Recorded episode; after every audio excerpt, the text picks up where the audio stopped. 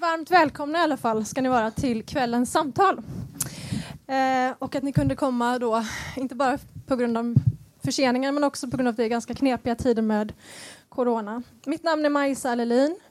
Eh, jag är ordförande för Clandestinos styrelse och jag kommer moderera kvällens samtal som gästas av då ingen mindre än Betlehem Isak och Nathan Hammelberg. Eh, ni kommer alldeles strax få presentera er själva.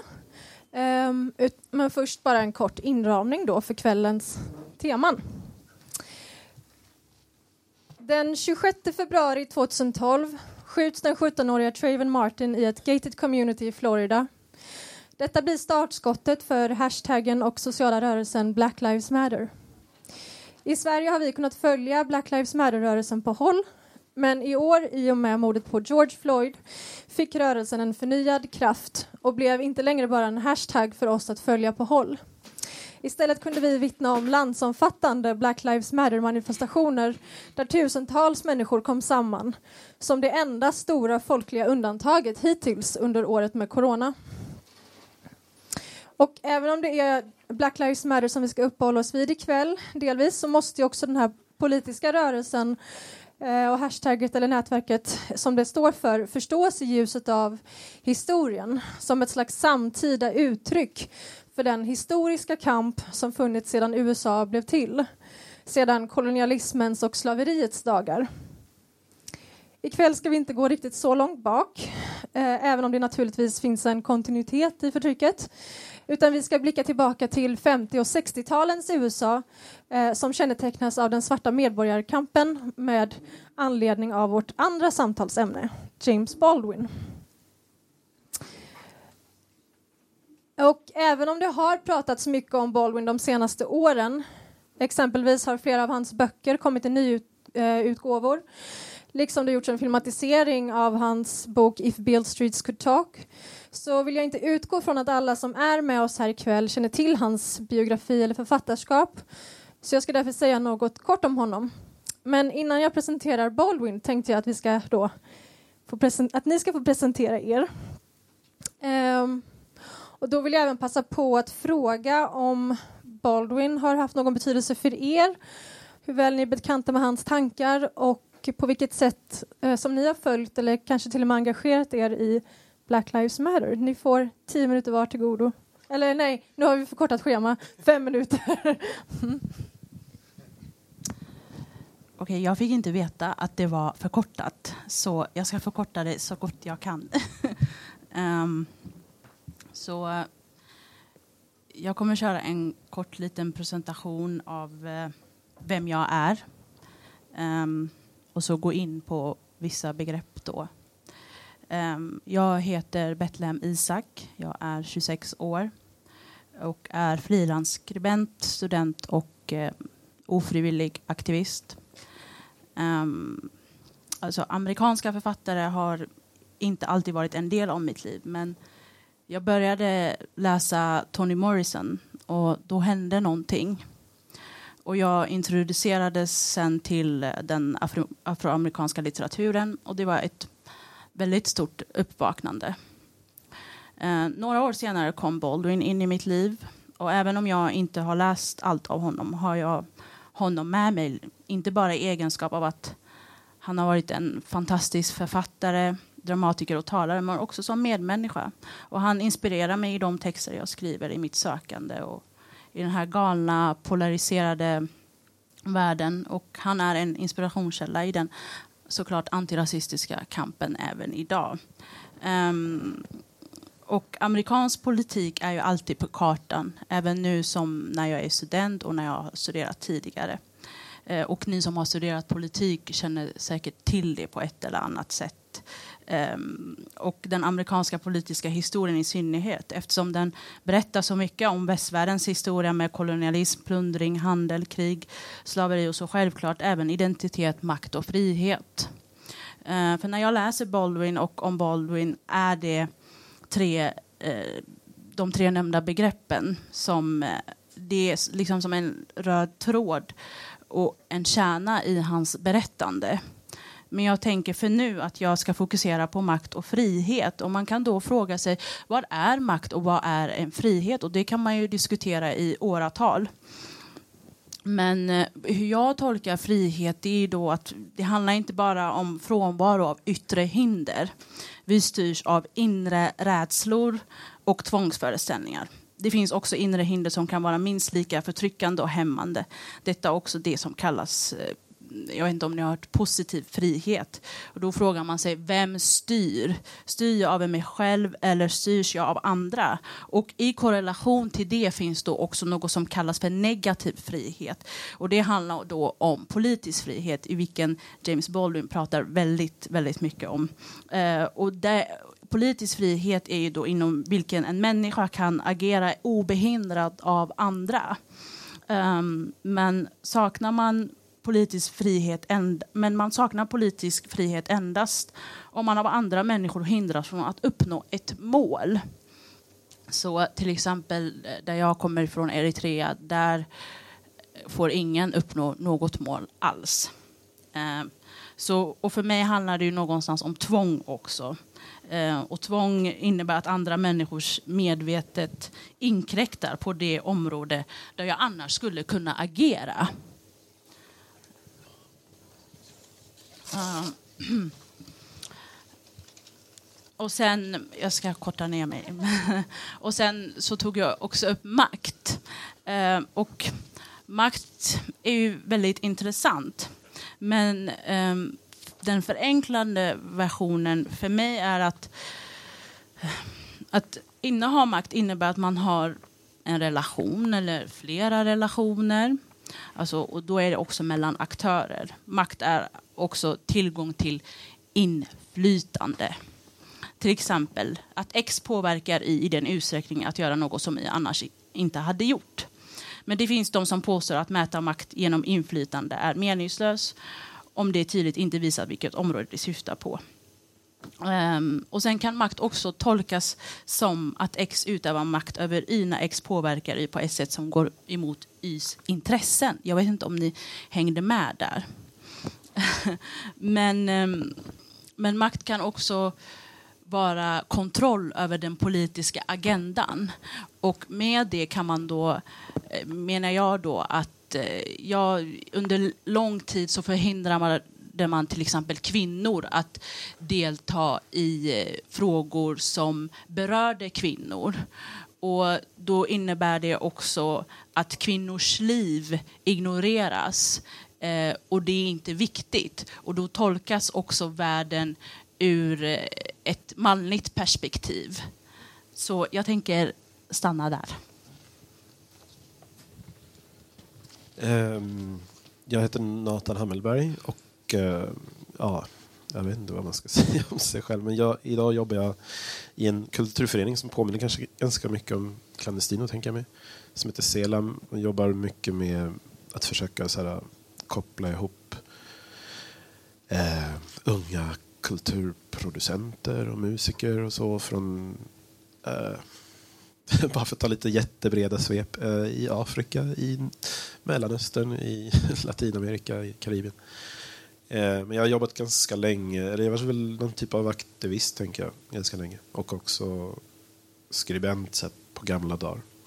Eh, och faktiskt så en av de första saker jag skrev om någonsin, tror jag, faktiskt i någon tidning var om, om Baldwin.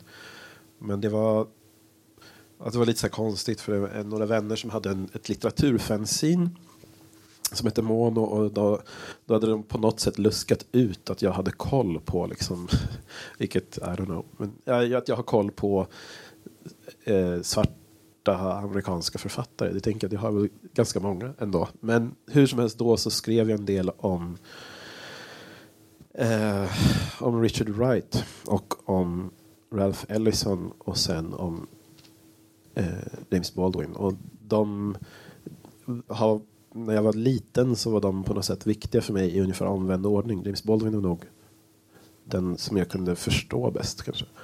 Eller förstå mig själv bäst genom. Eh, och jag tänker på det som du nu sa, Metlehem, om liksom att inte... Jag menar, att här folk beslutar över dig därför att du typ inte erkänns något till någon liksom, röst. Så tänker jag att en av Baldwins liksom gärningar var att det fanns ju namnkunniga svarta eh, homosexuella eller queera författare innan, inte minst i ja, Harlem-renässansen som eh, nyss nämnda Ellison och Richard Wright kom ifrån. Men under den tiden som, som Baldwin började publicera, alltså på 50-talet som ändå var så himla stor konservativ backlash på många områden, så blir det som att han, eftersom han skrev från någon sorts position att vara marginaliserad på fler sätt än ett, så typ det är också som att han på något sätt så här, ger utrymme åt att det här är någonting vi ska förhålla oss till. Alltså, uppfinner en person som typ Alltså innan hade ju ingen brytt sig om att vi fattar beslut över huvudet på liksom, svarta homosexuella. Nu, alltså, han skriver ju absolut inte på ett så smalt sätt. Det är ju väldigt existentiella texter. Men att någonstans att eh, förstå hur så här, erfarenhet eh, präglas av det samhälle man, man speglas eller inte kan speglas i. Och för mig var det i varje fall liksom i mitt lilla pojkrum, jag tror jag läste Baldwin när jag var 16 eller så, jag fick just uh, The Fire Next Time av min gudfar. Och han var så här, för mig var det, min gudfar var en sån där person som jag såg upp till väldigt mycket för att man kunde få tänka högt och man fick så här, få prova att tänka och blev väldigt sedd. Och att det också var väldigt många eh, ganska radikala människor i exil som vars idéer möttes hemma hos honom. Liksom. Så det var väldigt så här, en fantastisk skola på något sätt. Men i det i varje fall så jag sa nyss att så här, om, om, man hade tagit någon så här brain scan på mig före och efter att jag hade läst Baldwin så hade det varit annan hjärnan hade sett lite annorlunda ut. Liksom. Och så tror jag att också att så här, jag var nog lite rätt pojkrumsmacho som ung. Jag kanske är macho fortfarande, jag vet inte. Uh, men att det påverkade mig på ett lite annat sätt. Än, jag hade läst liksom så här, eh, George Jacksons fängelsebrev, jag hade läst uh, ja, jag hade läst Bobby Seals bok om Huey Newton och jag hade läst liksom, Angela Davis. Och, och um, det här var lite mjukare. Jag kan tillägga att eh, Richard Wright är en författare som Baldwin själv inspirerades väldigt mycket av. Han såg väl honom som sin mentor och du nämnde också uh, Huey P. Newton och de här och det är alltså medlemmar i Svarta pantrarna. Jag bara tänker, så det kan vara bra att förklara kontexten.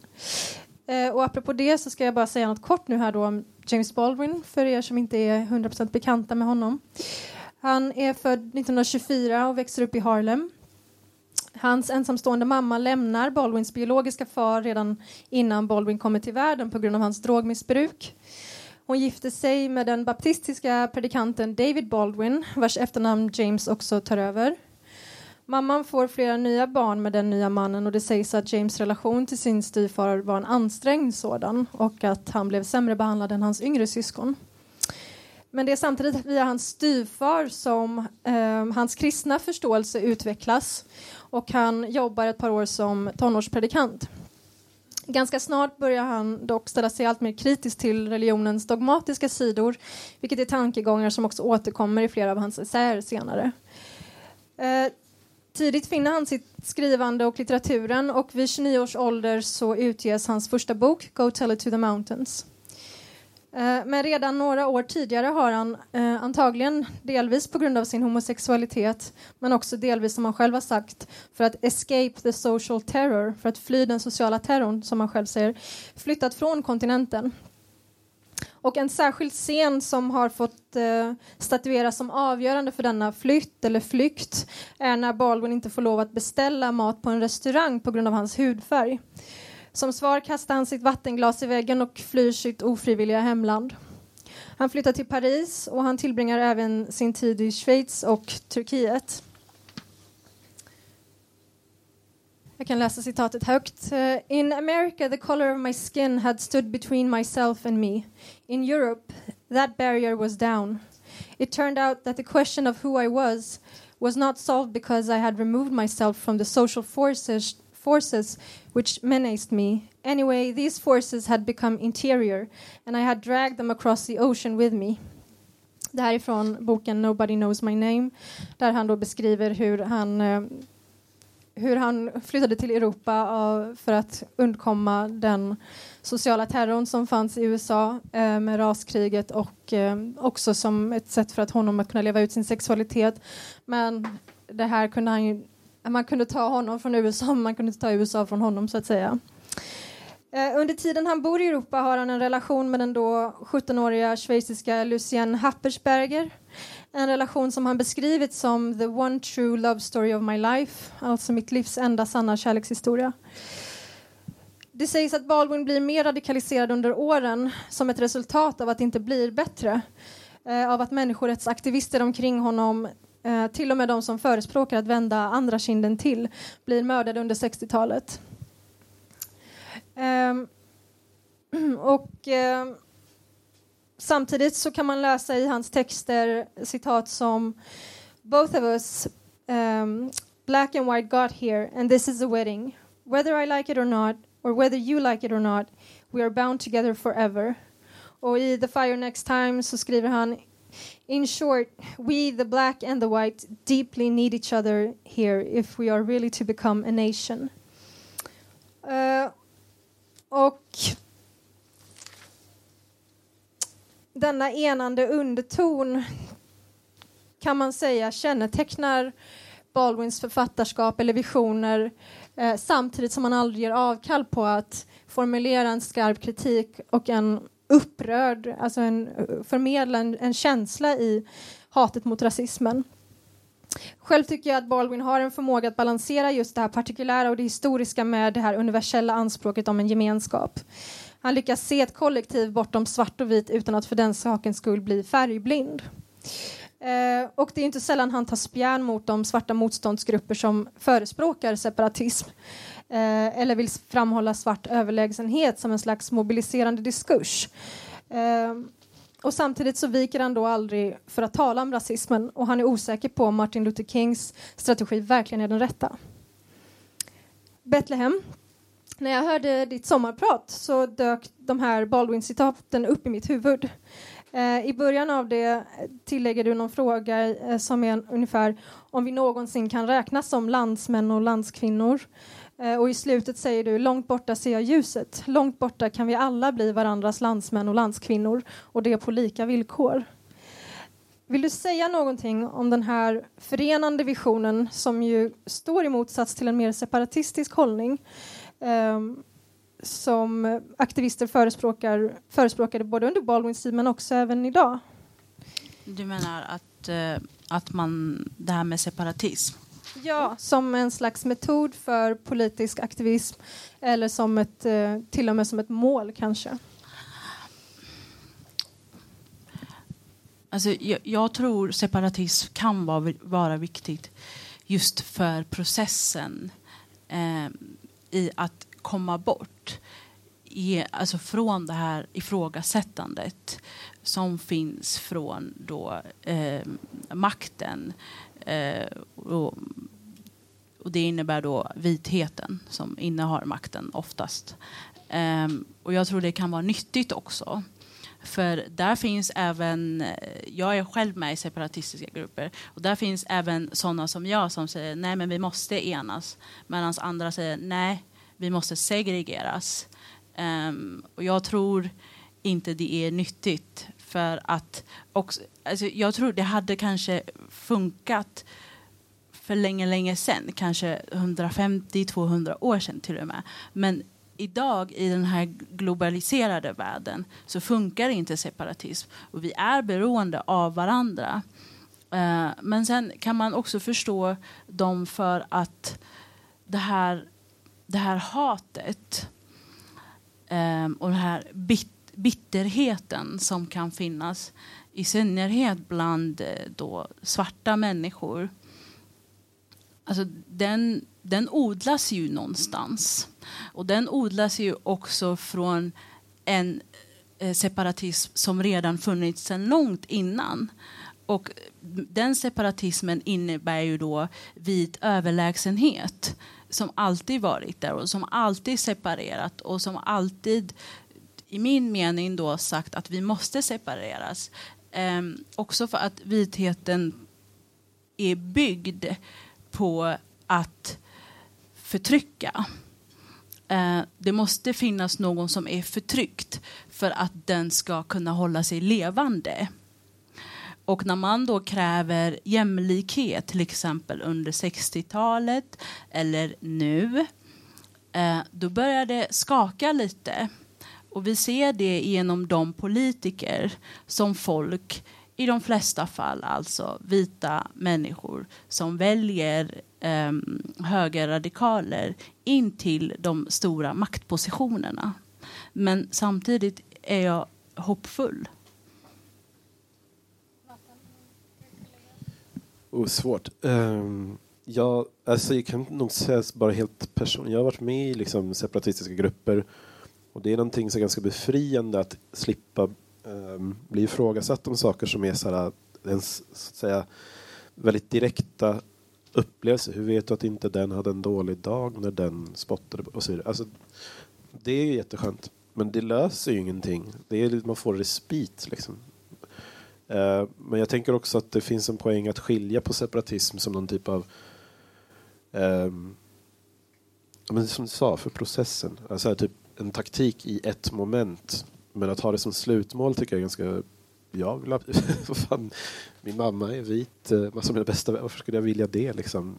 Men jag vill bara, jag vill kunna, jag vill leva i ett samhälle där alla är lika mycket värda. Och eh, jag var med om jag startade en grupp som hette Svartskallebrigaden för massor av år sedan. Jag skulle nog inte kalla den en grupp. Jag var med och hittade på vad den ska heta för det idag. Men skitsamma. Och det var som var lite, det var ganska skönt för i många så här, det var liksom en typ av eh, utomparlamentarisk vänstergrupp kan man väl säga. Folk kom från ganska olika politiska traditioner och med rötter i olika samhällen och liksom de, de flesta hade en vana att i sammanhang som var dominerad av vita svenskar. Så om man har en annan upplevelse i en situation eller blir direkt eller indirekt eh, behandlad på ett diskriminerande sätt så har folk typ allt ifrån mötestekniker och allting sånt. Då har vi en runda, vad tycker vi alla om det här? Om du sitter där och är ensam med rötter i så Kurdistan eller så och ska ensamt, det blir liksom, det är en asymmetri som är outhärdlig. Uh, och därför blir det skönt att få ett sammanhang där man inte blir liksom ifrågasatt vid, vid den startpunkten. Men då uppstår ju sen istället ganska många andra typer av uh, intressekonflikter, olika perspektiv, olika synsätt. Så att det blir jag tror att det blir nödvändigt för att processa vissa saker men det kan inte vara ett slutmål, det är hopplöst. Nej, och där kanske vi ska göra någon slags historisk jämförelse också med den kontexten som var då i USA på 60-talet när de här frågorna kanske var mer eh, det var tydligare, starkare läger och grupperingar kring... Eh, för jag läser ändå eh, att Baldwin eh, Eh, i många av hans essäer som inte är skönlitterära så, så är det här ett tema som han återkommer till och han tar spjärn mot allierade som har andra strategier.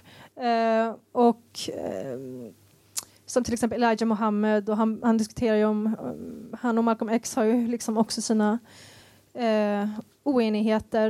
Eh, och så samtidigt så är han skep kanske försiktigt skeptisk då mot Martin Luther Kings strategi och så vidare. Men om man ser då till Black Lives Matter-rörelsen idag så eh, min eh,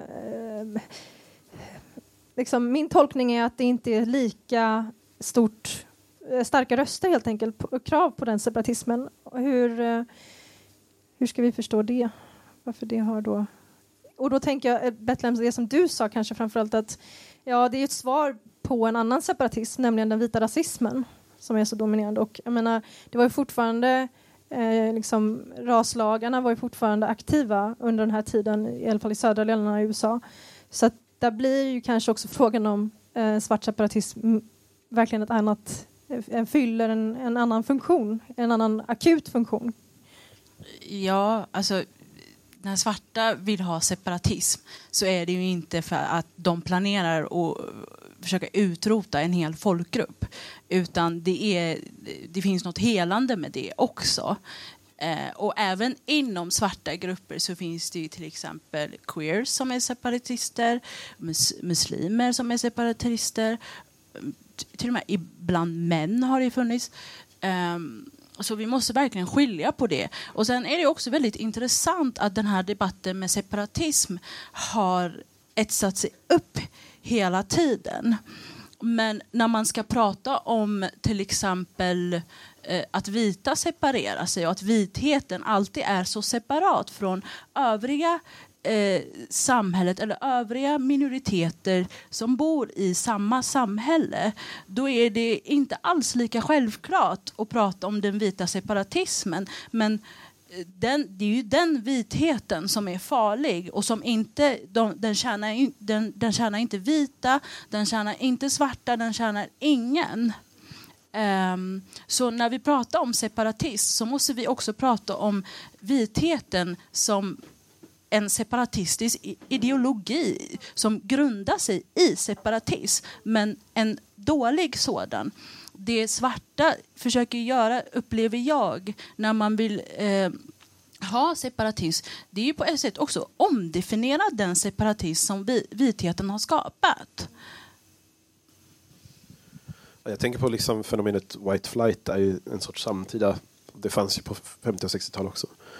Men det är ju, det är de facto vit separatism. Vi vill inte vara där de är. Men jag tror också, eh, ja, men apropå det du sa nyss Majsa om just eh, jag menar att, att Baldwins liv spänner över eh, tid i USAs historia där när han föddes så var liksom rasdiskriminering det mest naturliga i världen.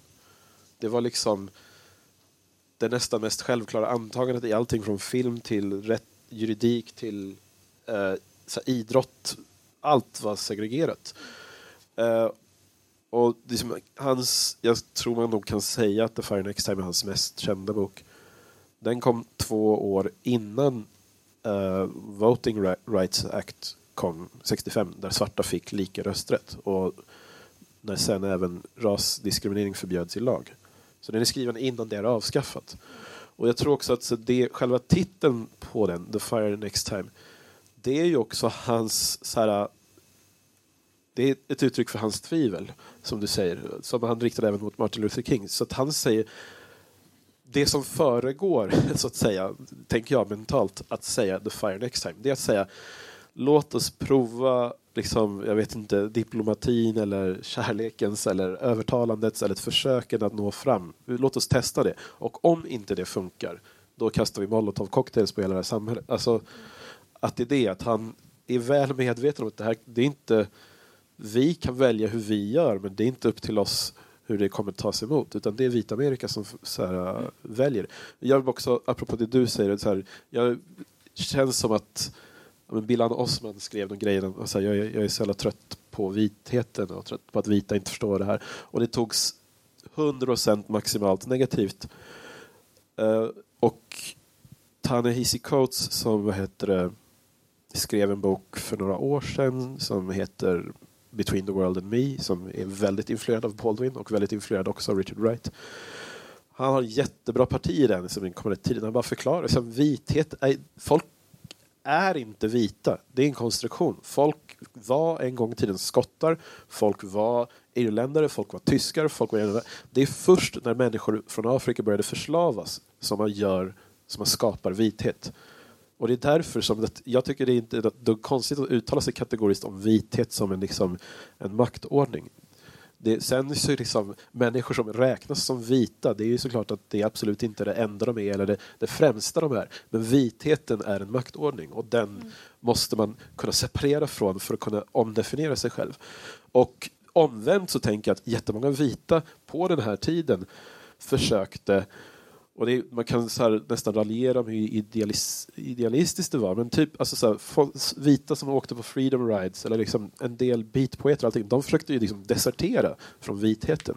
Jag tycker att så här, en del av vita svenska hiphop-polare från när man var ung, de deserterade i någon mån utan att ens veta det från vithet. För att säga, jag vill bara vara i en kultur där folk får vara med för vilka de är, inte för vad de räknas som utifrån. Och sånt. Mm.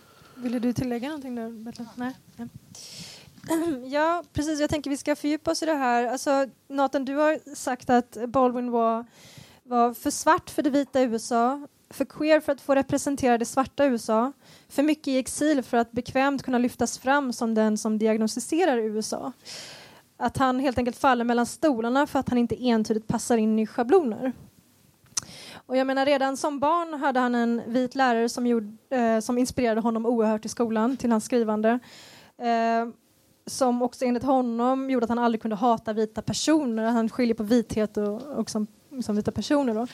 Och I hans tonår så hade han ju också en vit flickvän och som vuxen hade han en vit pojkvän, Lucienne. Så det var alltså inte enskilda människor som var problemet utan det är vitheten som makt som du säger. Eh, men jag tänker också, här kan man tillägga det liksom mellanförskap som han upplever redan i sin familjesituation som den ju enda icke-biologiska barnet till fadern. Eh, som var väldigt platstagande i familjen. Och jag, det här mellanförskapet och den här blicken, vad det gör för de här frågorna vi precis har diskuterat. Vill du säga något mer om det?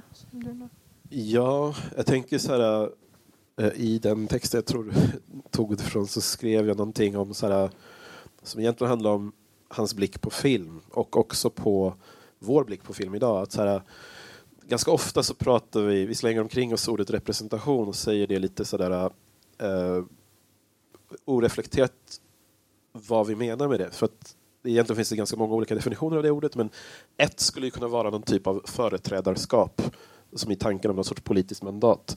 Jag väljer Majsa att företräda vårt kollektiv i en förhandling. Alltså, som, så ser till och med Sveriges riksdag ut. Liksom, med alla sina fel och brister.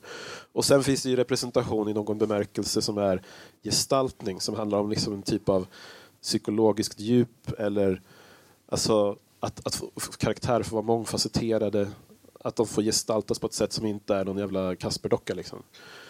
Eh, och jag tror att så här, Baldwin går ju in i liksom båda de där och ser det som något politiskt. Alltså han både ser på så här, hur ska vi företrädas?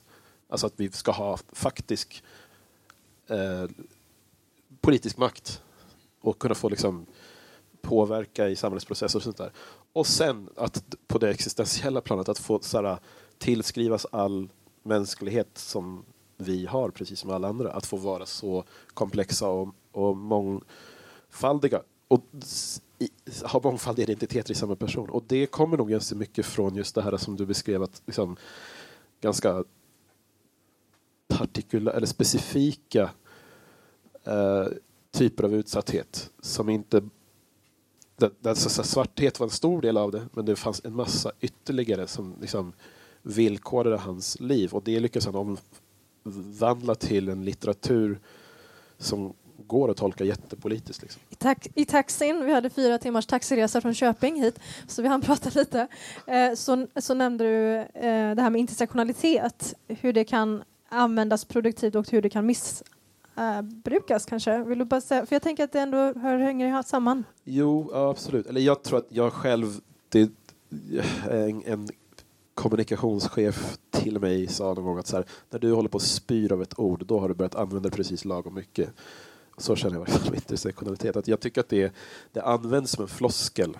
Folk, det är så här signalord man säger för att visa att man har liksom lite så här häftigt nyanserad eh, maktanalys. Men jag tycker att det är ganska meningslöst att strössla det omkring sig om man inte är precis med eller försöker ringa in vad det är som eh, i grunden villkorar den här situationen. Alltså det kan vara helt irrelevant vilken jävla hudfärg jag har när det handlar om eh, hemlöshet. Det kan vara relevant också. Eh, det kan vara helt irrelevant att prata om klass om vi pratar om sexualiserat våld, åtminstone om det är självupplevt och så vidare. Och den där viljan att liksom bara prata om att så allt förtryck är dåligt, det blir lite så här, ja, men vad ska vi, hur ska vi liksom hitta det där eh, som har bäring på en speciell situation. Liksom. Och det, med det sagt, om folk vad ska vi säga, operationaliserar begreppet på ett bra sätt så är det väl skitbra att tänka i termer av att människor är utsatta, utsatta i ena situationen eller har fördelar eller har liksom, glider runt på en räkmacka i en annan. Betlehem, vad har du för funderingar kring eh, begrepp som mellanförskap och intersektionalitet eh, och i relation till Baldwin och Black Lives Matter? Alltså, jag håller inte med dig. Shoot. ja, men jag, jag tänker också, för vem är det en floskel? Ja. med intersektionalitet. Du är inte till exempel eh, kvinna, dark skin, du sitter inte i rullstol, du är inte muslim. Alltså, vi, uppfattar, vi måste tänka när vi pratar om intersektionalitet. Du kanske tycker det är en floskel, mm. men du sitter också på vissa privilegier. Och den maktanalysen behövs ju för att förstå vad det är vi pratar om. För att lösa saker tycker jag att man måste till exempel prata om intersektionalitet. Och ibland kan jag hålla med att vissa tar det för för, för långt. Och oftast, 99,9 procent, har det varit vita män som bara men jag är intersektionell feminist. Men så är man vd på ett företag och alla andra ser ut som en själv. Alltså, det blir, det, där är det en floskel. Men det beror på eh, time and place. Vem, vad, hur. Tycker jag. Jag håller med dig. Det är det jag menade. Alltså att så här, du måste säga ja, vilken situation. Jag inte dig Nej, men så. Nej, men det är mest att så här, jag hör det just som alltså, så här, signalord, men om man, har vi bara en praktik så är det ju bra. Förstår du vad jag menar? Jag tänker också... Vad... bra att du sa det, för att det behövde höras också. Inga konflikter på scen. Inte än. men vilken roll spelar hans sexuella läggning? Och jag vill inte psykologisera här, men någonstans är han ju sann mot sina begär om man får liksom formulerar sig så pass starkt att han eh, han lever ändå i en relation med en annan man i många år och han kallar honom för sin liksom, sanna kärlekshistoria och så vidare och det är ju en sån enorm styrka i den tiden, den platsen liksom, eh, att, eh, att hänge sig åt sina begär på det sättet. Va, va, och ofta när man pratar om Baldwin så tycker jag ändå att mm, frågan om om hans sexuella läggning alltid kommer in lite grann som en eh, som ett tillägg och han var också det, ja, just det. Men vad sa du? Plusmeny. Som en, ja, plusmeny. Ja. Eh, men han pratar ju, eller han skriver i sina böcker om liksom förmåga, svartas förmåga att, att bejaka en sensualitet som vita inte eh, som vita har stängt locket på för man är för rädd. Man lever liksom, man vet att man eh, är den dominerande eh, liksom maktinstansen i samhället därför vågar man inte bemöta eh, sig själv eller sin omgivning. Ehm, så jag vill ändå stanna vid det, inte bara ha det som en plusmeny. Hur tänker ni kring den här eh, kombinationen helt enkelt? Alltså jag tänker två saker, eller massor, men två som man kan titta på kanske man ska säga. Men en är väl, jag tänker att makt så ofta Alltså på nästan individplan så är det så ofta kopplat till kontroll. Alltså även självkontroll, behärskning och sånt där. Och eh, att kunna liksom vara Alltså, alltså i praktiken leva queert då, man ska säga, men inte göra det till en identitet ens en gång. handlar ju någonstans om att, att riskera att släppa den kontroll som, som kommer med liksom het, heteronormer. Du kan liksom inte utmana det om du inte så släpper äh, en typ av maktspråk som kommer till heteronormen. Liksom. Så på det sättet tänker jag att det öppnar upp saker och det, så finns det såklart ett jättehårt pris för det i ett homofobiskt samhälle. Det var väl det ena och sen det andra tror jag att, alltså att jag, som sagt, jag läste jättemycket liksom av eh, man kan säga kanske ganska militanta svarta aktivister. Liksom, mer kommunister än nationalister. Men det fanns i det mellan raderna en viss typ av machism som kommer från manlig heterosexualitet.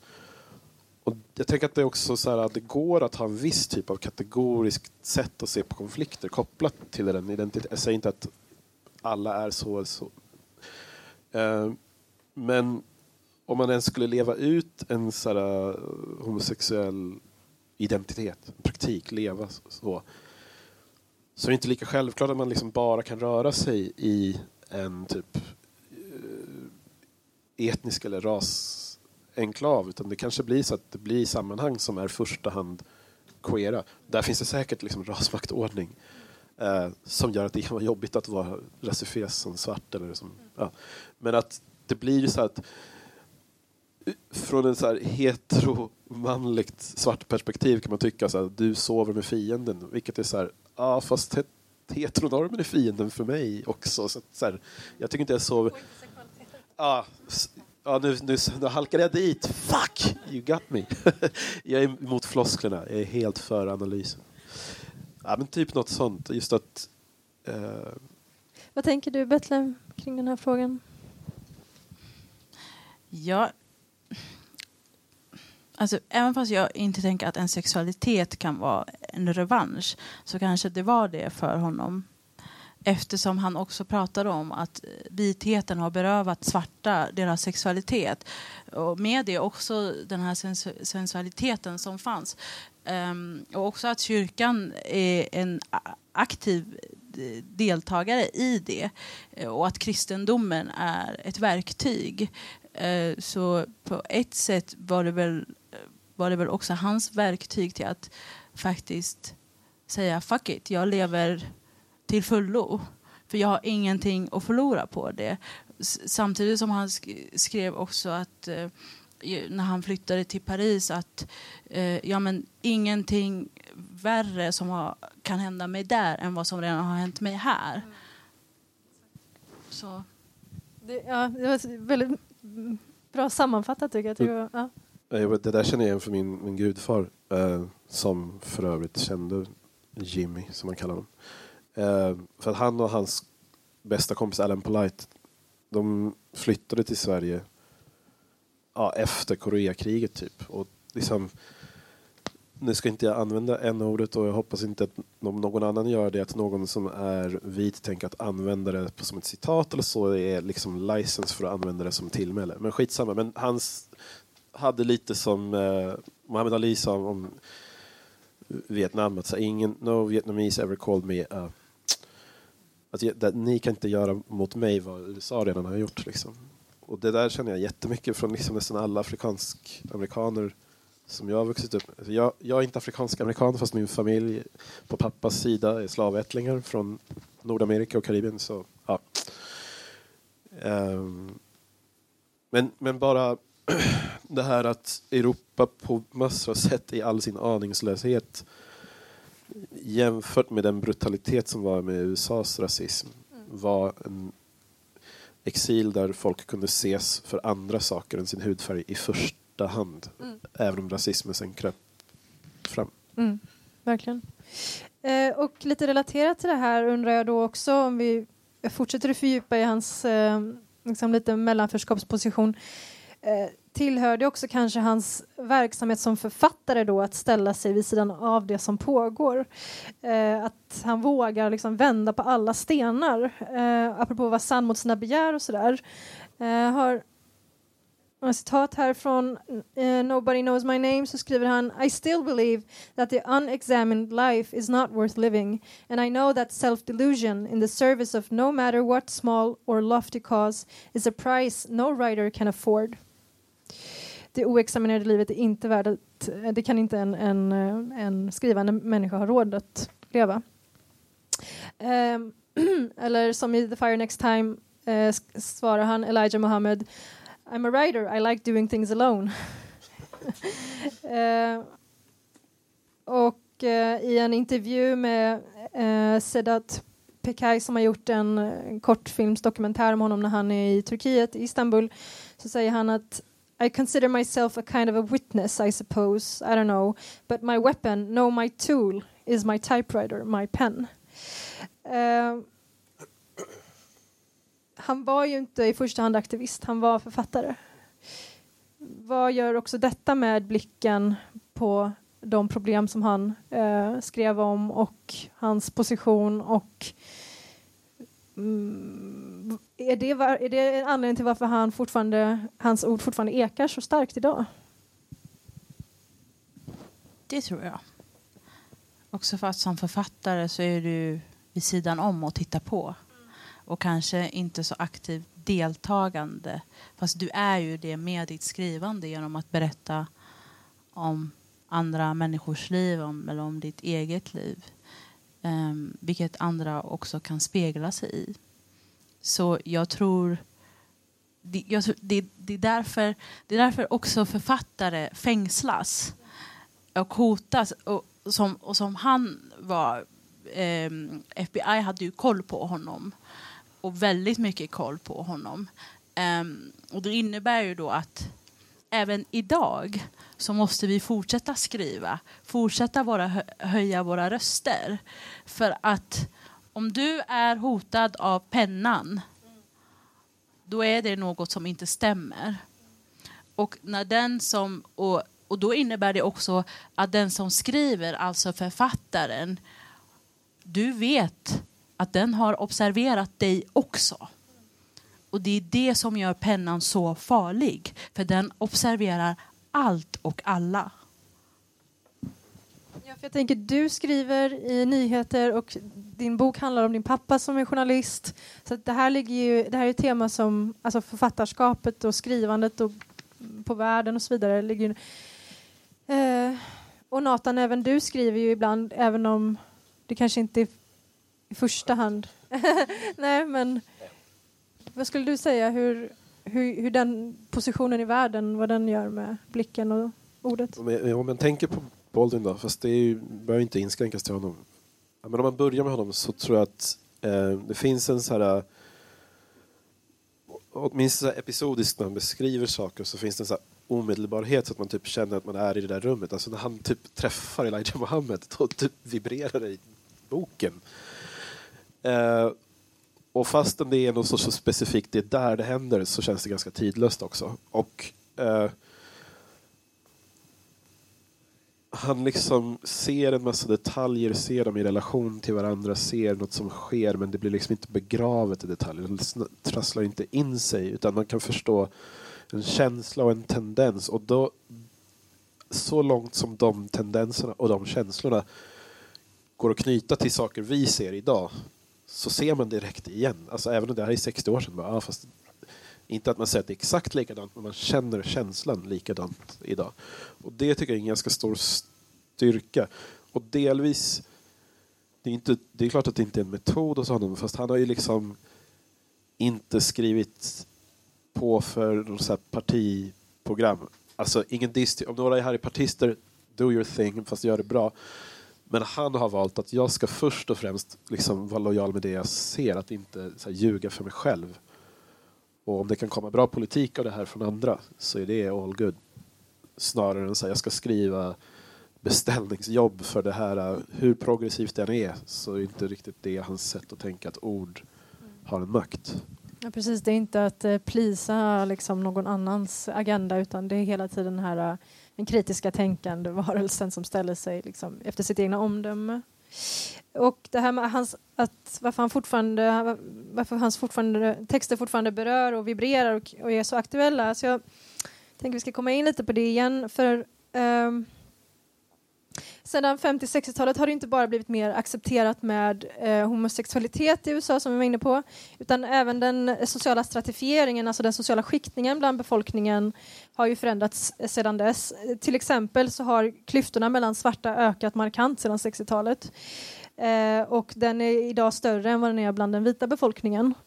Eh, det betyder att samtidigt som USA eh, för första gången har en svart president Eh, Eh, det är alltså under Obama-administrationen som Black Lives Matter ju uppstår. Eh, eller att svarta hiphop och rb artister blivit multimiljonärer så dödas en eh, afrikan-amerikan av polisen var tredje dag ungefär. Eh, och bland de boende i det gated community som Traven Martin dödades så bor till exempel 20 procent eh, svarta amerikaner.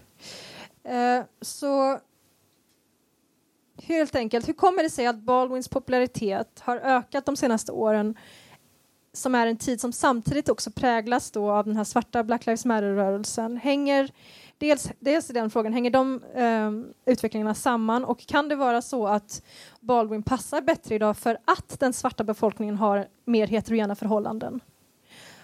Alltså om den här heterogeniteten kräver den här starkare universella undertonen, den förenande undertonen som Baldwin ändå vågar ha. Um, ja.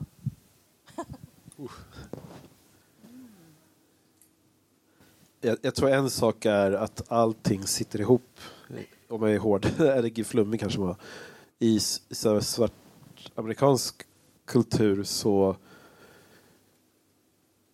om man har läst mer än en bok i alla fall av Toni Morrison och av Baldwin eller av Bell Hooks eller så, så förstår man ju att de pratar med varandra. Det är liksom helt, det är det mest självklara. Och det betyder ju att, så att det finns mycket större livslängd på, eller en så här, vi står på att, så här, heter det?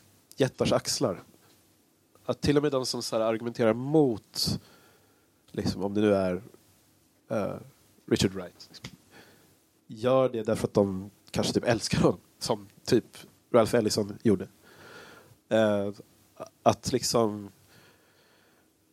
ah, Det kom en skitbra bok av Angela Davis för en massa år sedan som heter uh, Blues Legacies of Black Feminism.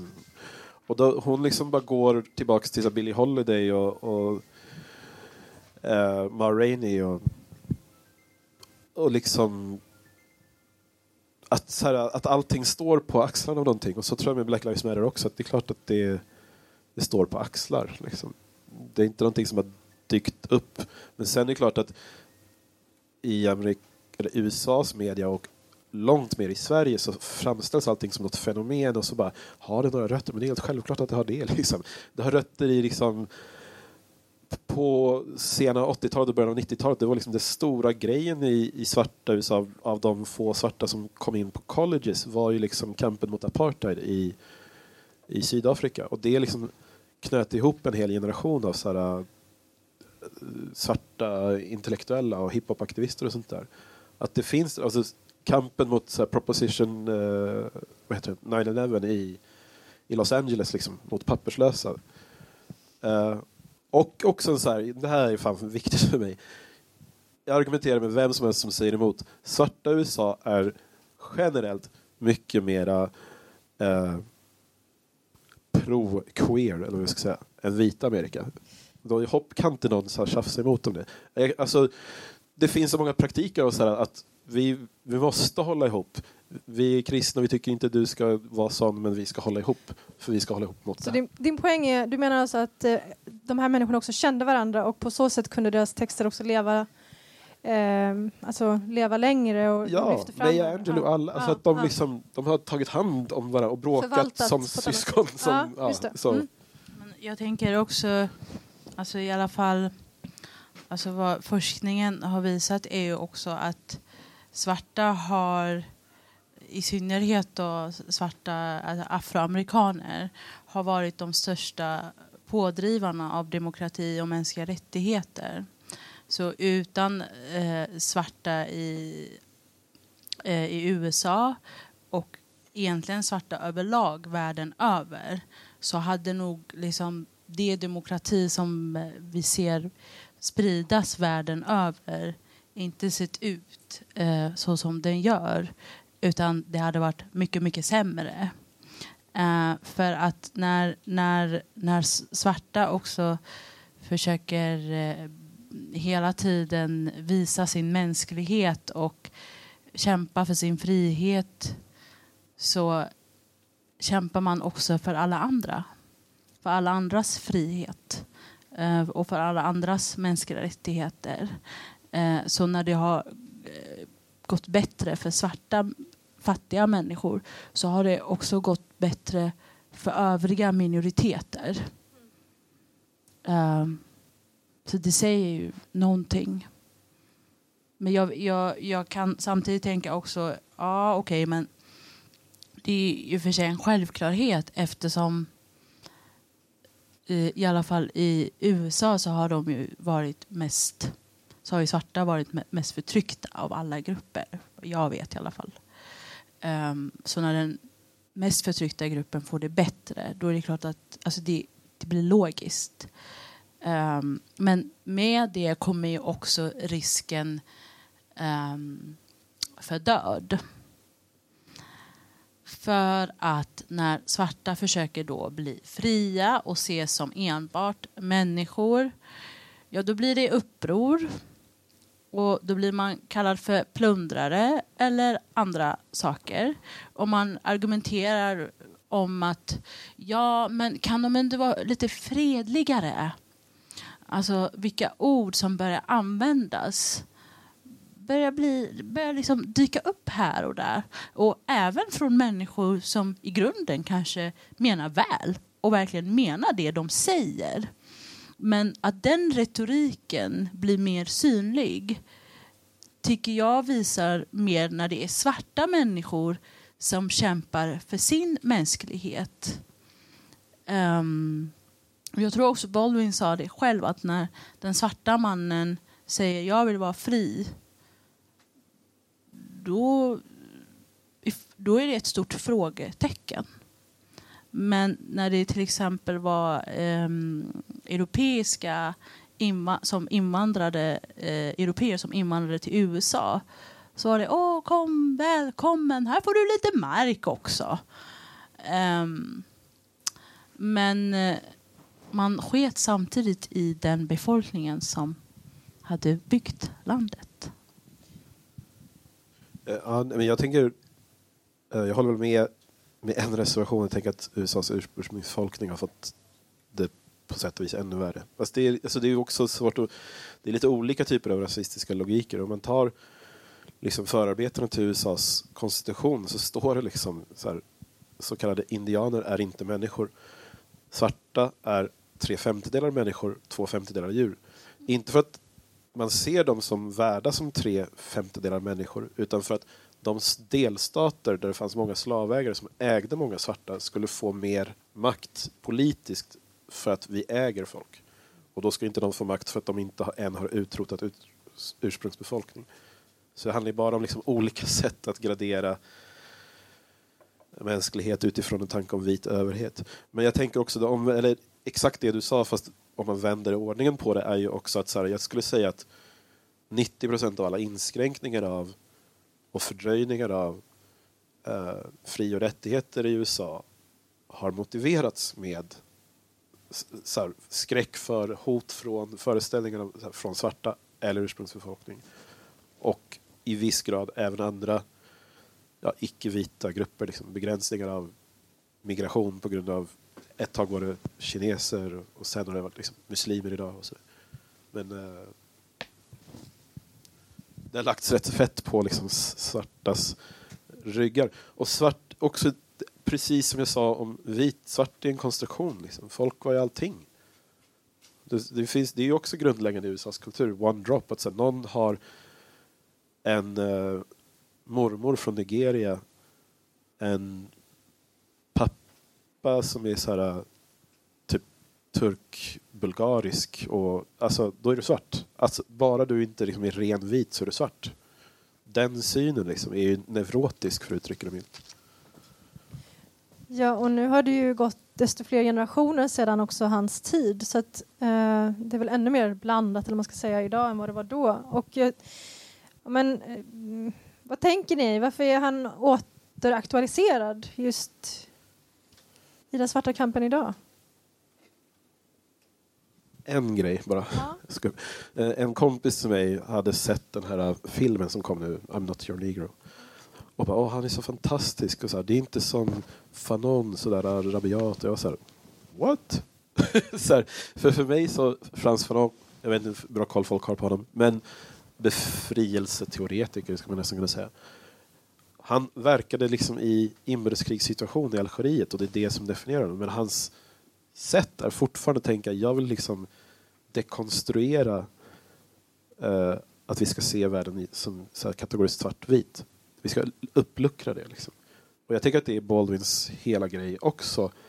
Fast utifrån ett samhälle som inte är i liksom formellt krig. Utan snarare. Och just för att ganska mycket av de som var väldigt radikala på 60 och 70-tal i, i svart politik hade ju liksom en typ av tanke kring befrielse som var nästan militär. Eller så här, konfrontativ på det sättet. Då kanske och den grejen har ju liksom fallit lite out of vogue, liksom, inte minst på grund av hur världen ser ut idag. Att det, inte liksom är, det finns inte öst och väst och det finns inte samma typ av befrielserörelser i den så kallade tredje världen och sånt där. Då kanske det som Baldwin pratar om är, liksom ligger närmare på ett annat sätt. Betlehem? Ja, jag håller med dig. Men jag tror ändå det centrala är um, jag tror det centrala är faktiskt att svarta försöker återigen ses som människor. Och det är därför han är, fortfarande är så central. För att på alltså, det som står vid skyltarna idag när man ser Black Lives Matter-demonstrationerna, i synnerhet i USA, Stop Police Brutality. Alltså på 60-50-talet så stod det Stop Police Brutality också, eller något annat liknande. Så det är, man gör samma saker som när han levde och var ganska ung och skribent och liksom mitt i sin karriär. Eh, och det gör ju honom relevant för att genom att man möter samma problem så är det också samma liv som många av de människor lever med. Eh, och han skrev ju jättemycket om att ja, men jag, vill, jag vill bort från det här att hans vänner tog självmord, att de blev missbrukare, att de blev eh, pimps och det ena och det andra. Eh, och till viss del är ju folk kvar där. Och med det innebär det också att man fortfarande kämpar för sin överlevnad. Man eh, fortsätter kämpa för den här egenskapen av att eh, kunna se som enbart människa och ingenting annat. Eh, och det gör ju någonting med en. Det förtär en och det får en att hata och det, och det får en att vara bitter. Samtidigt som någon sitter där och säger men varför är du så bitter? Men, ja. Jag tänker också på så här... Eh, Dave Chappelle har en skitrolig skit om, om Alltså jag måste gå till humor ibland för annars pallar jag inte. Men du vet, han bara snackar om så här. Black lives matter. Why do we have to say that? Now I admit it's not the best slogan. But McDonalds already took you deserve a break today. Och så skämtar han vidare. Alltså, han är alltid superallvarlig när han skämtar. Men det är som att it must be, it is kind of catchy because everybody's biting it. Och liksom folk snackar all lives matter och white lives matter. Och så bara, han bara blue lives matter. så här, poliser som säger alltså så här, våra liv. That is not a, that's a suit. You can take it off anytime if you don't like it. Liksom. Men jag kan inte så här, jag kan inte byta bort.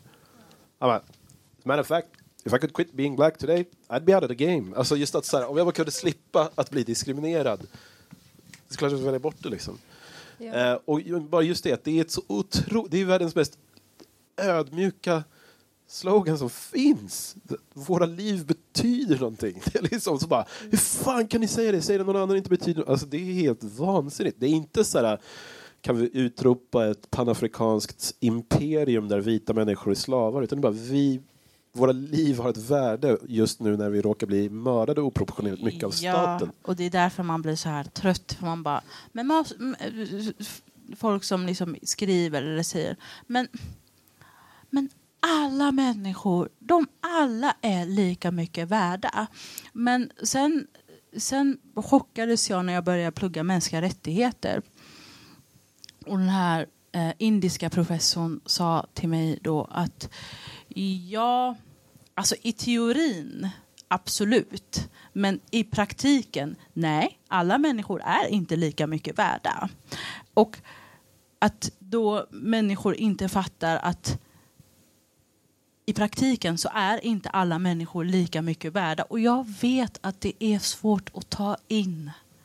Ja, men jag, men... jag håller med. Jag tycker att det Baldwin gör och det som varför han lever kvar så starkt nu är för att han laborerar med de här två bollarna samtidigt hela tiden. Det handlar hela tiden om att sträva efter den här universella och insistera på det mänskliga.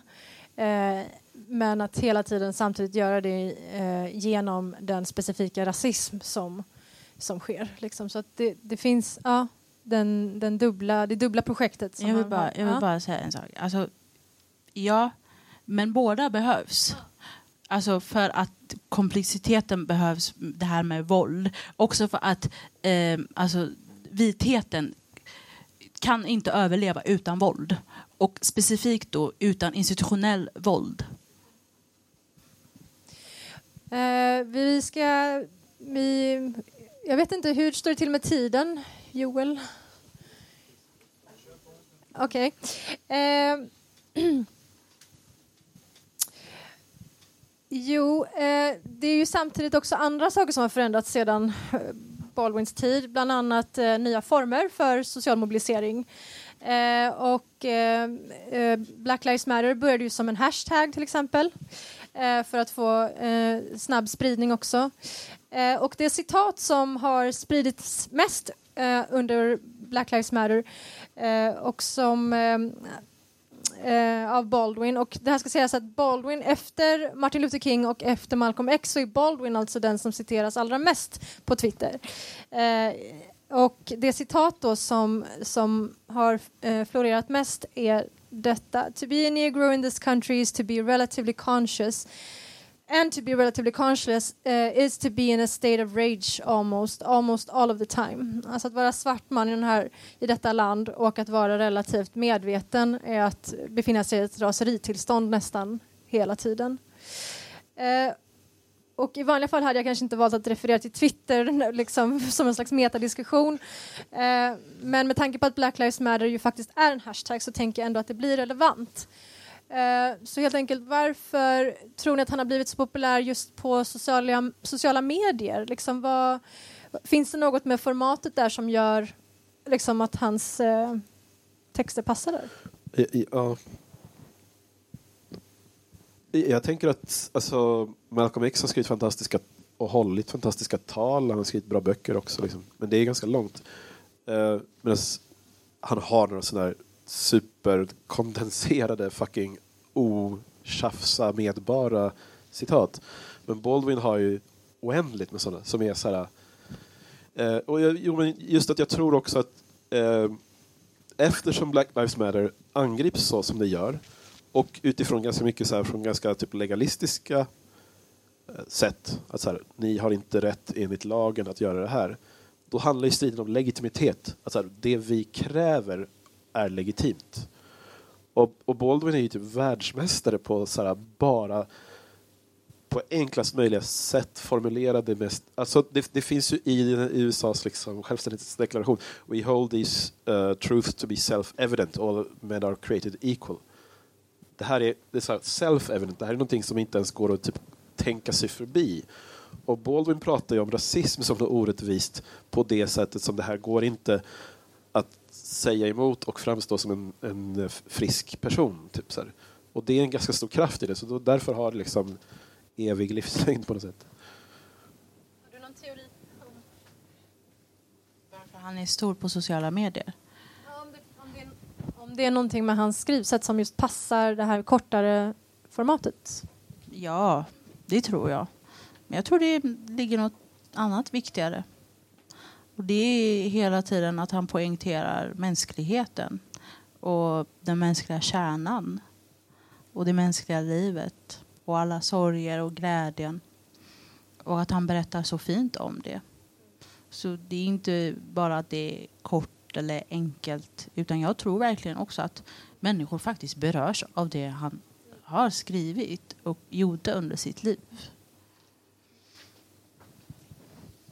Yes. Eh, jag öppnar upp för publikens frågor nu, faktiskt. Tills det är dags.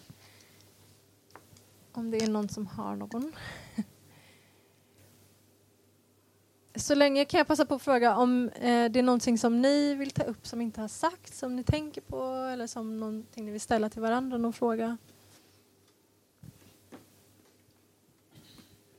Uh, jag vill nog bara slå ett slag för den Tanahisi Coates Between the World and Me för att den är uh, The Fire Next Time är ju skriven på hundra år efter att Lincoln utfärdade emancipationsproklamationen. uh. Och med någon tanke om att så här, vad fan har hänt sedan dess liksom. Och så är den skriven också som ett otroligt så här, eh, omsorgsfullt brev till hans brorson. Att, så här, med en önskan om att du ska slippa lida. Så här. Och eh, Between the World and Me är skriven av Ta-Nehisi Coates till sin son och helt ärligt liksom försöker kopiera eller göra en ny version av det som Baldwin gör. Så jag vill jag är rädd för att förlora dig min son så därför skriver jag det här så att du ska jag hoppas att så här, snabb, du ska få liksom en jetboost av klokheten och modet och all styrkan som behövs för att klara det här livet. Liksom. Och eftersom den är skriven för några år sedan så ja, leta rätt på den. tips. vill du eller ska vi släppa in? Ja, det var en där bak.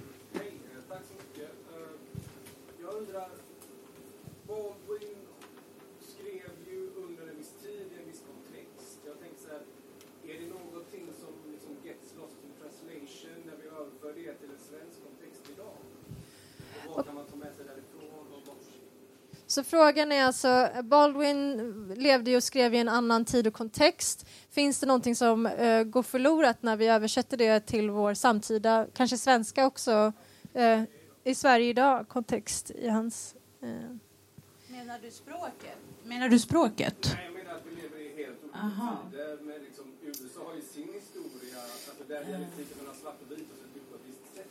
Eh, Vi har ju inte den historien i Sverige på samma sätt. Och Det är när vi överför Vilka svenska luckor kanske Ja. behöver fyllas? Typ? Ah, bra fråga. Jag tänker så här att det beror på vem man frågar. Alltså din fråga är jättebra men visst det är en annan tid och det är en annan slags frihet och det är en annan slags typ av mänskliga rättigheter än vad det var när han levde. Och sen är Sverige ett helt annat land än USA. Men samtidigt så ska vi inte glömma att Sverige var faktiskt en kolonialmakt i exakt 132 år. Eh, och då med Baldwin kan man också då försöka ta in den historien. Eller när man, när man läser Baldwin kan man kanske börja tänka på att men vad finns det i min egen historia som har lett till att andra människor har förtryckts? Och då kanske det inte handlar jättemycket om svarta amerikanska författare men vad har Sverige för relation till till exempel den transatlantiska slavhandeln? Jo, vi bidrog då med järn. Eh, och det höll ju fångarna, eller slavarna då, eh, tätt sammansatta eh, och eh, såriga och vi bidrog till det. Eh, sen, när man ska, sen tycker jag när man har läst Baldwin på svenska jag tycker ju svenskan kan ibland vara lite ordfattig. Eh, så det där handlar jättemycket om översättaren och de, deras kunskap i, i engelskan. Eh, och svenskan då såklart.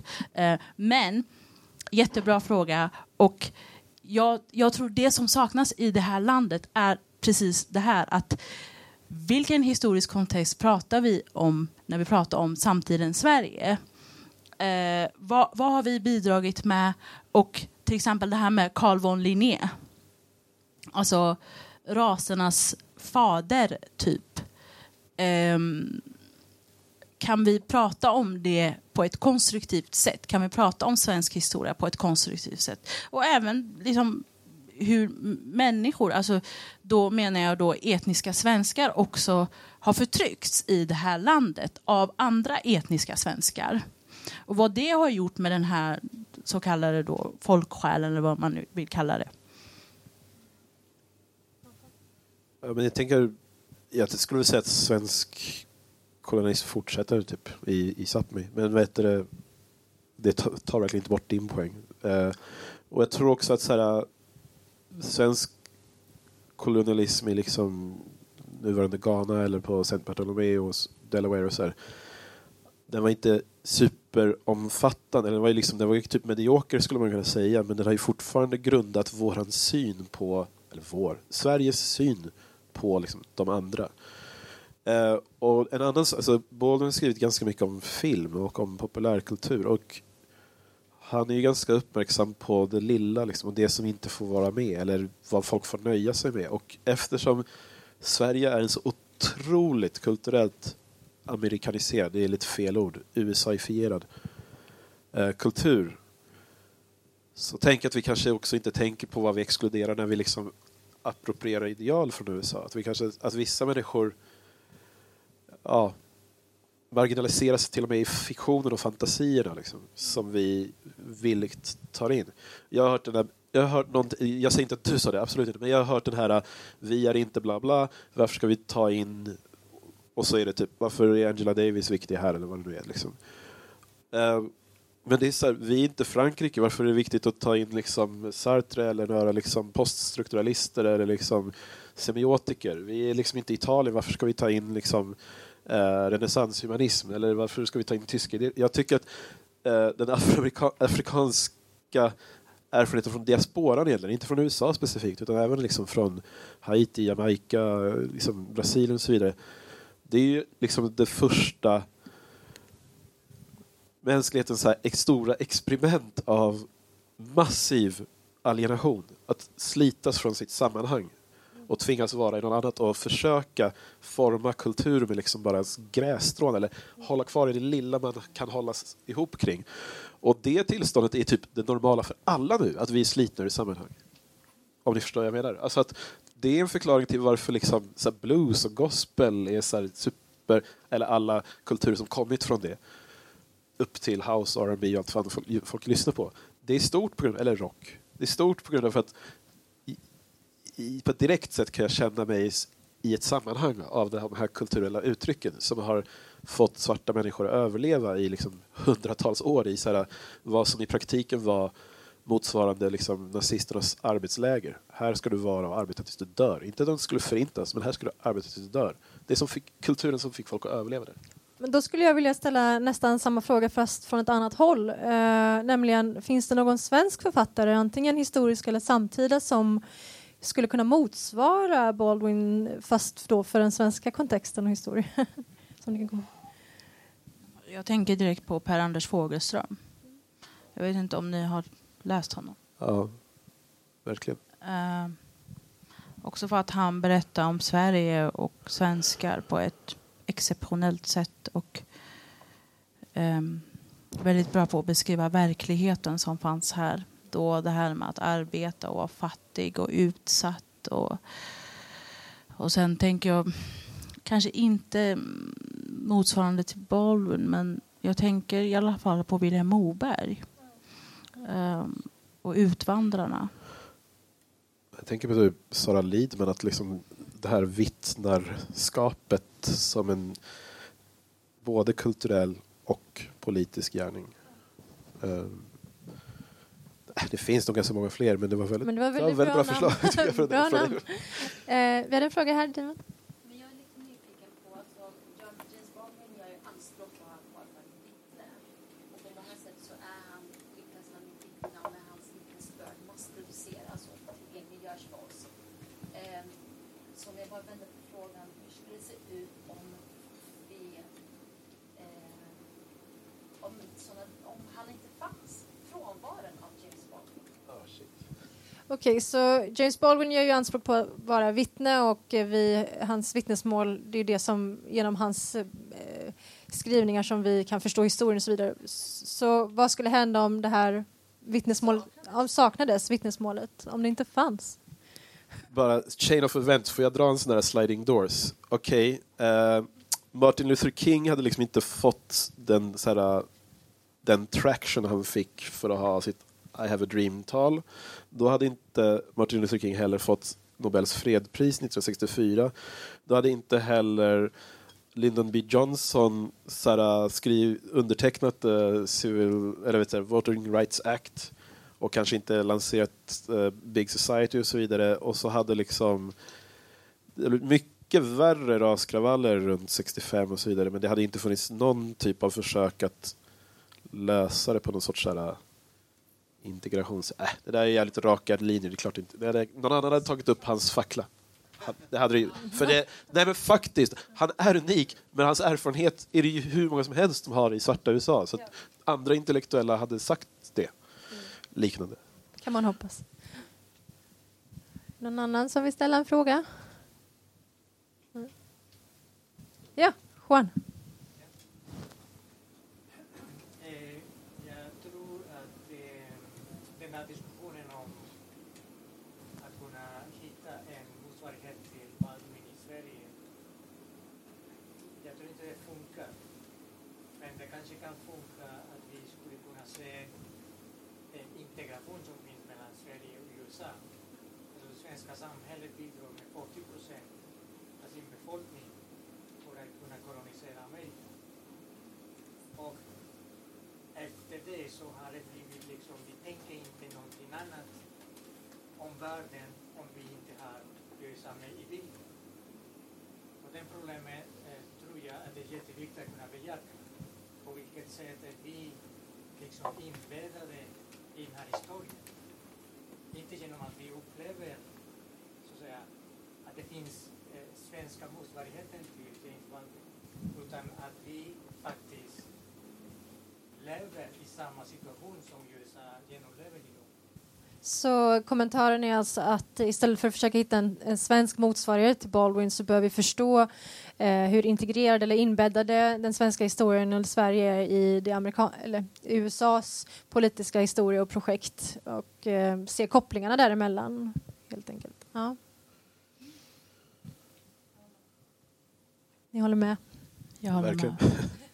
Men jag brukar ta det när folk bara, man kan inte, bara, fan, varför kan du liksom ha, sätta motstånd mot sådär, någonting för att det är svart från svarta USA?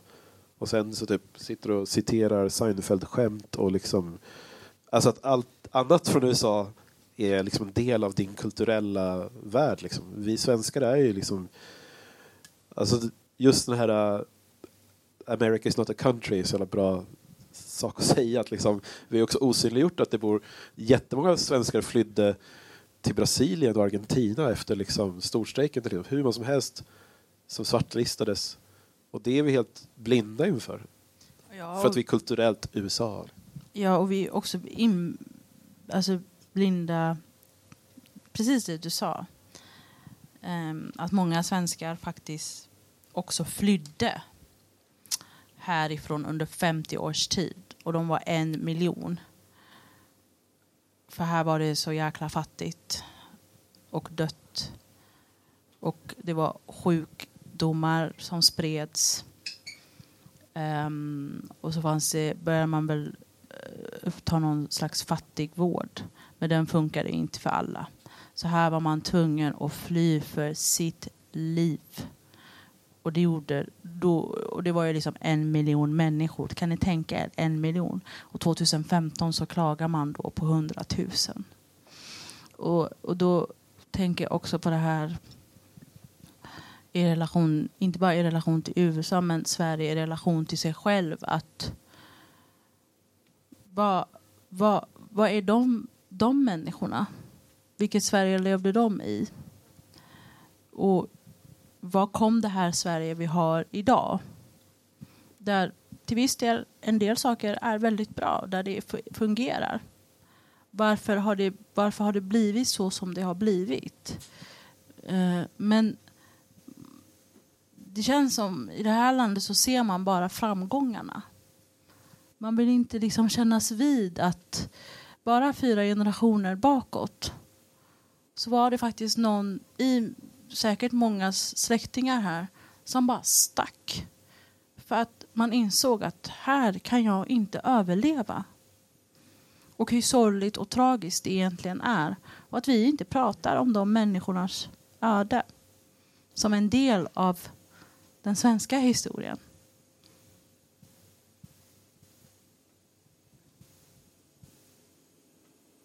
Nej. Det var det jag ville protestera mot. Att, det, att man, man erkänner att den här historien har förekommit, men det, konsekvenserna av historien är att de här miljoner svenskar som reste till USA, de fick plats i, i FNs hegemoni som inte bara handlar om att kunna utrota indianer och förslava afroamerikaner utan att ta över väldigt mycket av, väldigt mycket av den här oerhörtheten på en global nivå. Men jag tror att vi, vi är inte medvetna om det. Vi, vi bara tror att vi är ett litet, litet land i utkanten nära Nordpolen. Hobbitar. Ja, så helt enkelt eh, för att åter, återge det som du sa, att inte bara då eh, se den här migrationskopplingen mellan Sverige och USA som har funnits och vilken misär som fanns i Sverige under den tiden, utan även se den, eh, den sociala liksom, hierarki eller som opposition som de svenskar som utvandrade faktiskt sen fick. Då. Det är det du vill poängtera Ja, ja, i, i- USA. Mm. Och jag håller med dig. För när de kom dit så fick de ju mark. och det var helt gratis. Medan afroamerikanerna och ursprungsbefolkningen fortfarande svalt eller dog eller vad det nu hände. Liksom. Eh, så absolut, man ska inte glömma det. Men jag menar nu mer att den här kopplingen som dagens svenskar inte verkar förstå av deras egen migrationshistoria. Sen vad som hände när de anlände dit är en helt annan sak och jag håller med dig. Men den kopplingen att man faktiskt har migrerat från det här landet och inte till um, är en fråga som man inte pratar om och som jag tycker att många helst, eller som jag har pratat med är obekväma med. För att man för, för då rycks den här självidentiteten av folkhemmet och välfärdssamhället. Och att vi är ett mottagarland och vi är ett land med, som utåt sett och i världen är kända för att vara solidariska och också världens samvete. Att, att man gärna håller fast vid det men um, och jag och när man då pratar om den här eh, svenska migrationshistorien ut härifrån rycks en del av den svenska identiteten som då är den här utåt sett eh, det här välutvecklade, en av världens rikaste länder och så vidare och så vidare och så vidare. För man vill gärna hålla fast vid den identiteten men jag tänker också att lugn, det är ingen som kommer rycka på Sveriges identitet. Det är, alltså, tänker jag. Det är bara det att vi måste prata om historien. Men Jag, jag tänker på en sak, om man ska koppla till Black Lives Matter igen då. Att det svenska folkhemmet, eller föreställningen om hur bra folkhemmet var, det exkluderade jättemånga människor och folk blev steriliserade och allt det där som vi vet. Men i någon mån så var det ändå ganska inkluderande. Det var liksom, de som skyddades av det blev skyddade. Och idag så har vi, det är inte ens någon som låtsas att vi försöker eh, ha ett folkhem då. då. Eh, och det är som att så här, de andra människor av annan hudfärg är anledningen till att ingen tycker att det är en bra idé. Och då är det så här, det är så människor som kanske själva till och med säger just så här, all lives matter.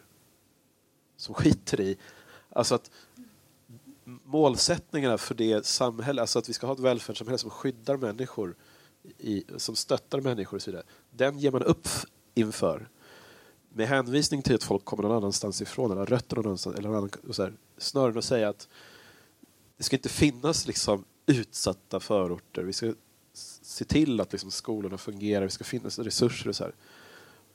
Så det, då tänker jag att den svenska så här, ortenrörelsen, som man lite klumpigt kan säga, är ju ganska besläktad med Black Lives Matter. Även om det inte är exklusivt liksom, med rötter i Afrika utan rötter i Asien, Latinamerika, Mellanöstern och så.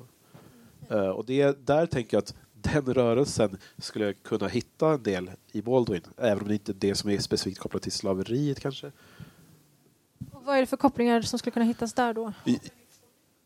Ja, absolut vapenexport. Ja. Men också, men, men mer alltså just så här insisterande på människovärde och mänsklighet. Liksom. Mm. Att det spottas på och sen samtidigt så har vi liksom Mm.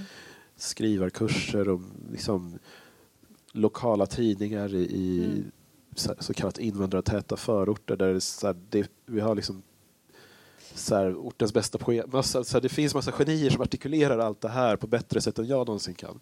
Eh, och de är någon sorts, de kanske är våra svenska Baldwins. Ja, och jag tänkte på det som eh, Per-Anders Fogelström som du tog upp, eh, Betlehem. Jag menar, vi har ju klassklyftor idag som är vad de var innan välfärdsstaten eh, liksom byggdes upp. Så att det blir ju absolut mer och mer relevant att prata om den här mer, eh, det stora gemensamma liksom, universella projektet igen när vi går mot mer stratifierade tider. Har vi någon mer sista fråga? Ja. Nämnde att din gudfar var vän med Baldwin. Jag är så himla nyfiken. Föreställer mig att han är äldre. 60-tals. Eller vilken tid är det? Det, det är, eh, för Baldwin var i Sverige vid ett par tillfällen. Eh, Nej men det här var i Harlem.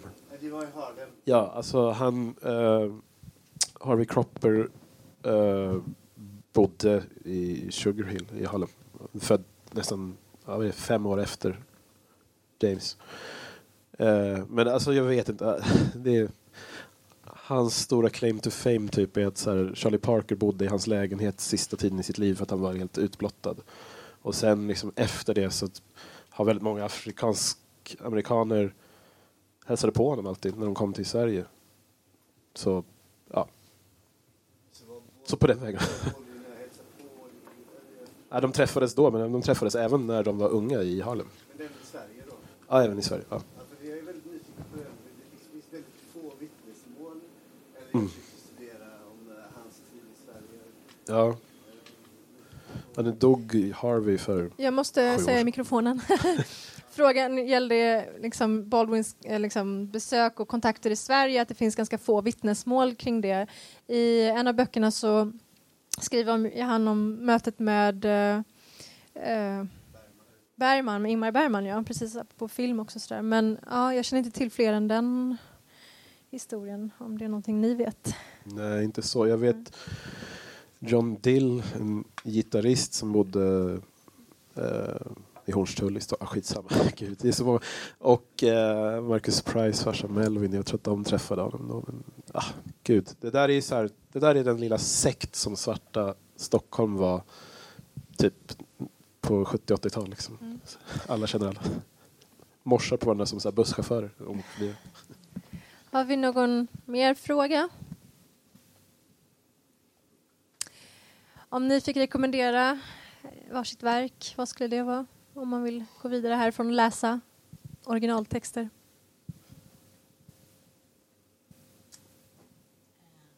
Skönlitterärt som icke skönlitterärt. Um, homegoing, Yagashi. Um, en uh, författare också. Eh, hon är från Ghana.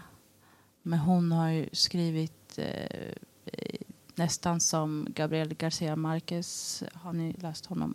Eh, um, 100 years of solitude. Men ungefär i den stilen. Och hon skriver då om eh, två systrar som skiljs eh, och de vet inte om varandra. Ehm, och så på något sätt så återförenas de typ 300 år senare. Ehm, den har verkligen berört mig och jag, har gråtit till den. Så läs den och läs den. Definitivt. Nathan? Gud, ja, det är nästan så du snodde vad jag tänkte säga. För jag tänkte på den på vägen hit. Eller jag tänkte, vi pratade om, om kön i taxin, så tänkte jag på den jämfört med hur Alex Haleys rötter mottogs. Att hon var tvungen att göra så groteskt grym research för att inte bli avfärdad som att det här har du hittat på. Och sånt. Men skitsam, den är jättebra, jag håller med. Men jag säger då, för jag fick sätta mig och försöka skriva någonting utifrån dem båda. Ehm, Jamaica Kincaids bok En liten pla- eller small place. Eh, fast egentligen allt hon har skrivit är fett tycker jag. Så. Betlehem håller med.